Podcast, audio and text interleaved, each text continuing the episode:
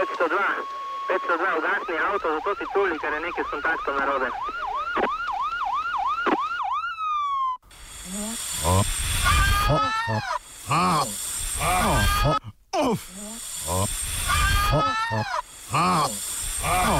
Offside. Nenatančno odmerjena represija.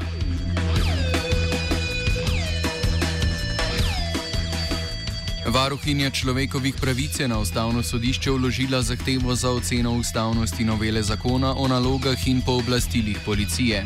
Dopolnitve in spremembe zakona so bile v uradnem listu objavljene 25. februarja, kljub pomislekom informacijske pooblaščenke in številnim civilnih inicijativ.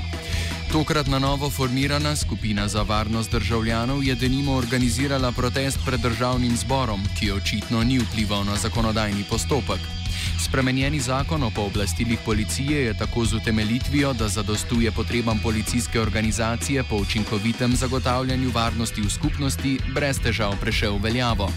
Nova policijska pooblastila, ki jih zakon uvaja, so uporaba brezpilotnih letalnikov z možnostjo prepoznanja obrazov, avtomatsko prepoznavanje registrskih tablic in uporaba električnih paralizatorjev. Hkrati zakon omogoča zbiranje biometričnih podatkov vsakogar ter uvaja avtomatsko zbiranje in rabo podatkov o letalskih potnikih za vse lete, tudi tiste znotraj Evropske unije.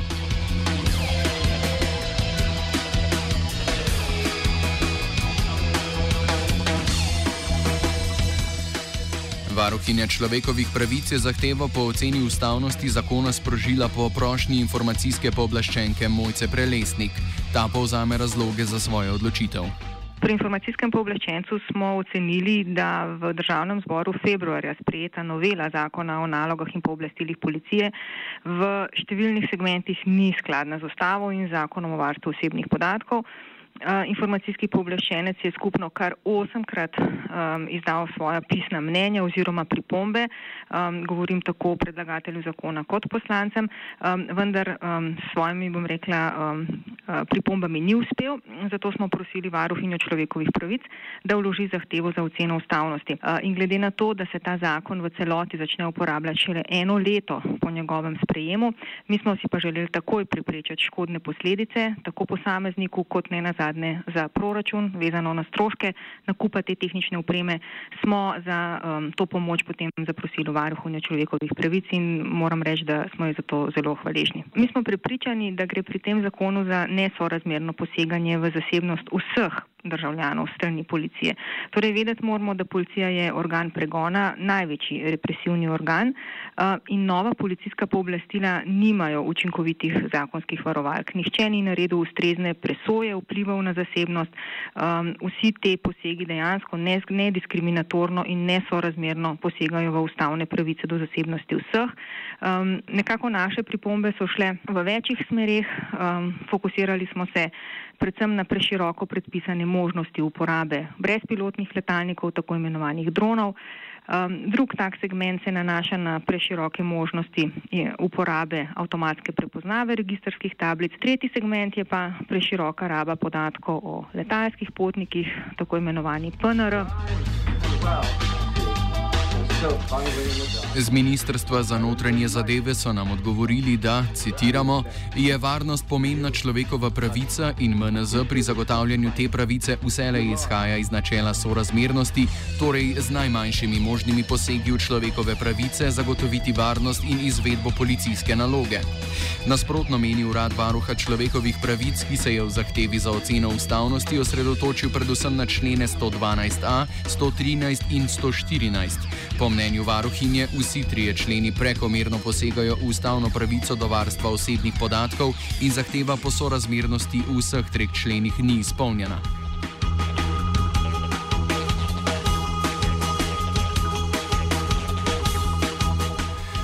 Zakon o nalogah in pooblastilih policije je Ministrstvo za notranje zadeve spremenilo tako, da policistom omogoča uporabo tehničnih sredstev za optično prepoznavo registrskih tablic.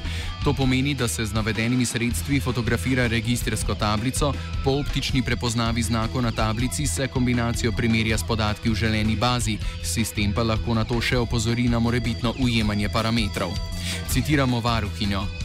Dejansko torej 113. člen, tako kot je, policiji omogoča množičen nadzor, ne da bi bile pri tem zanj izkazane še sorazmerne legitimne koristi družbe. Izpostavljeni odstavek sicer res določa, da se množičnega nadzora s tehničnimi sredstvi za optično prepoznavo registrskih tablic naj ne bi omogočalo, vendar pa zakon pojma množičnega nadzora nikjer ne opredeljuje. Varuhinja zato sklepa, da je ocena o tem, kdaj naj se samo omeji, povsem v domeni policistov.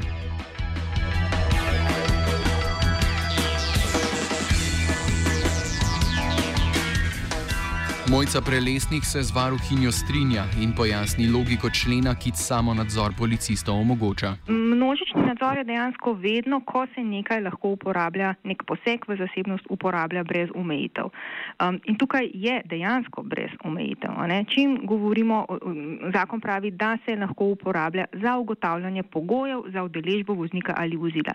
Sicer je res v zakonu dodano, da se mora uporabljati na način, ki ne omogoča množičnega nadzora in obrazne prepoznave, kar pa je v bistvu svoj vrsten absurd. Že sama uvedba brez omejitev je množični nadzor, sam po sebi, kjerkoli, kadarkoli, na komerkoli.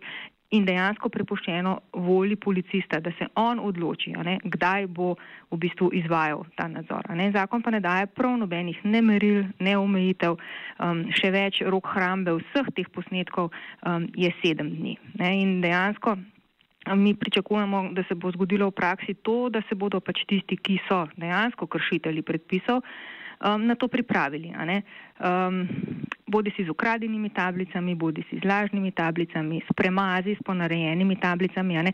Nedolžni ljudje, tisti, ki ne kršijo predpisov, um, se seveda takih ukrepov ne bodo posluževali. Ne? Popisani v zbirki bodo pa vsi.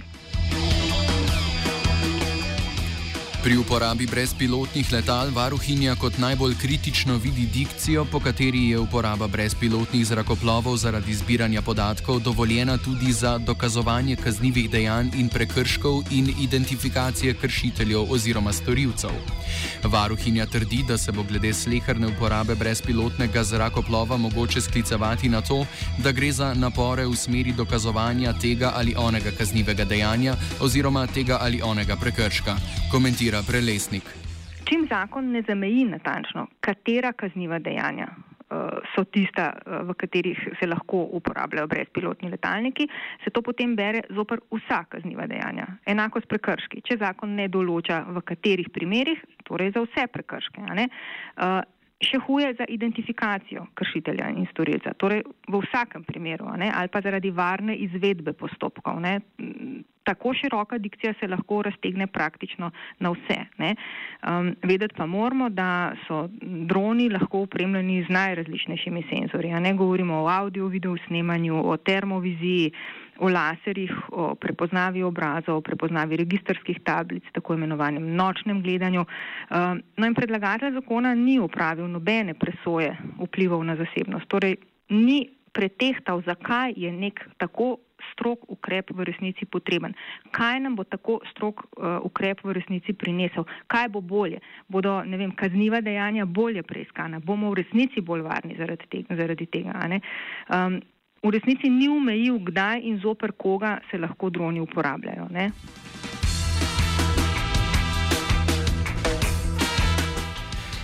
Kdaj in kako bo vlada izvedla nakup dronov, ni znano, a prelesnik opozarja na primer naprav za prisluškovanje oziroma IMSI lovilcev, ki jih policija še danes uporablja brez ustrezne zakonske podlage. Tudi zato so si na uradu informacijske pooblaščenke. V takem primeru želeli tudi zato, da sodišče o tem prej odloči, preden se gre uh, v nabavo. Uh, bodi si brezpilotnih letalnikov, bodi si um, naprav za avtomatsko prepoznavo registrskih tablic. Ne? ne samo seveda, ker gre za res hude posege v zasebnost, ampak tudi zato, da se nam ne bo zgodilo enako, kot se mi je pri IMSI catcherjih. Pri IMSI lovilcih se je zgodilo točno to. Um, policija je IMSI catcherje kupila brez ustrezne pravne podlage v zakonu in še vedno jo ni te, ustre, te pravne podlage. IMSI catcherje pa ima, mislim, da naša policija že več kot deset let.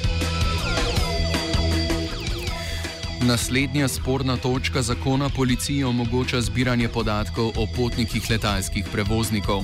Ti podatki naj bi služili strateškemu in operativnemu ocenjevanju tvegan posameznikov, ki so povezani s kriminalno dejavnostjo. V zakonu so ti podatki opredeljeni kot informacije o potnikih, ki pogosto letijo in druge morebitne posebnosti povezane s potovanjem potnika.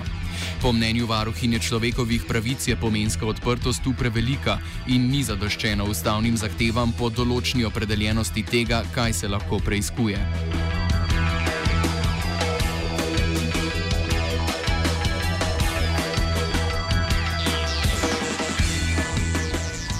Zelo podobno stališče je sodišče Evropske unije zauzelo v mnenju glede sporazuma med Kanado in Evropsko unijo o prenosu in obdelavi podatkov iz evidence o letalskih potnikih.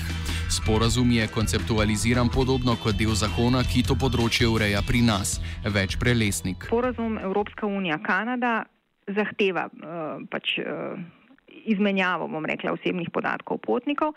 Um, in točno ta je učitek. Enak dejansko kot pri, pri vseh prej dveh omenjenih um, problemih, gre za neselektivno množično zbiranje. Um, torej, vsi smo popisani v neki bazi, vsi, ki potujemo z letali. Brez da bi bili dejansko usumljeni česar koli. Torej, omogoča se ena velika, enormna baza osebnih podatkov, ne vemo pa, kaj konkretnega, kakšne koristi bi v resnici tak, tako velika baza uh, prinesla.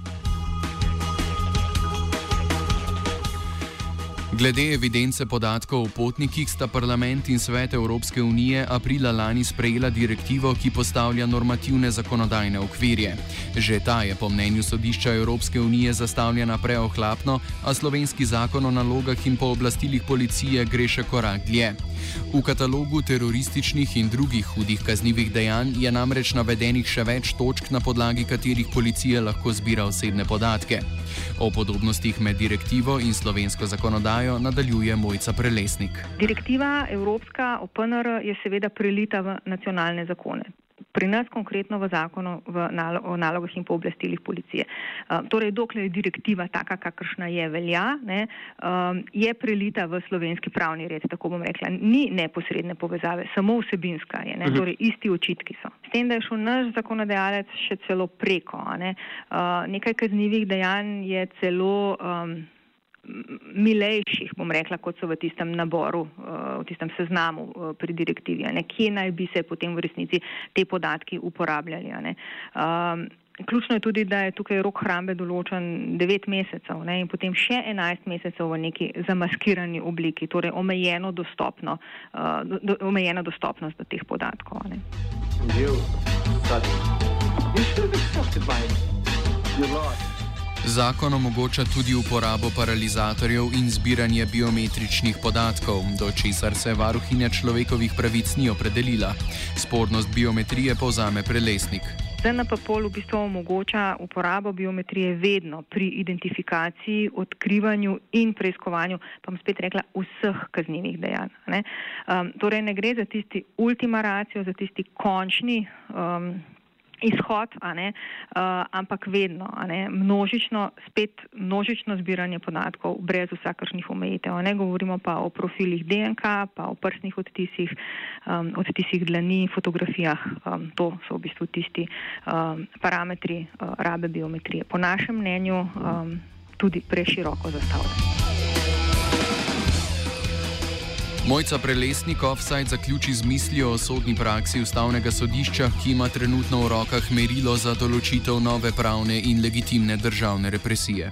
Jaz iskreno upam kot informacijska pooblaščenka, da bo ustavno sodišče um, ostalo, rekla, na, na, teh, uh, na, tem, na teh standardih, ki jih je um, lepo nekako zapisalo v svojih sodbah že uh, tam leta 95 pa 98, nekako takole je zapisalo takrat, da čim pomembnejša je varova, varovana dobrina, um, tem bolje povdarjena ta zahteva po določnosti zakona. In mi pri informacijskem pooblaščencu trdno verjamemo, da zasebnost v resnici je taka varovana dobrina, ki tako določnost v zakonu, um, natančno določena pravila igre, um, nujno terja.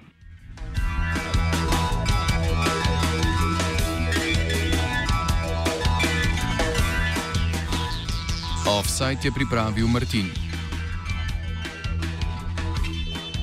Lahko se nadejamo v prihodnosti mehkega uvajanja izrednega stanja, ukolikor bo na kakšnih prihodnih volitvah izvoljena kakšna bolj represivna politična opcija.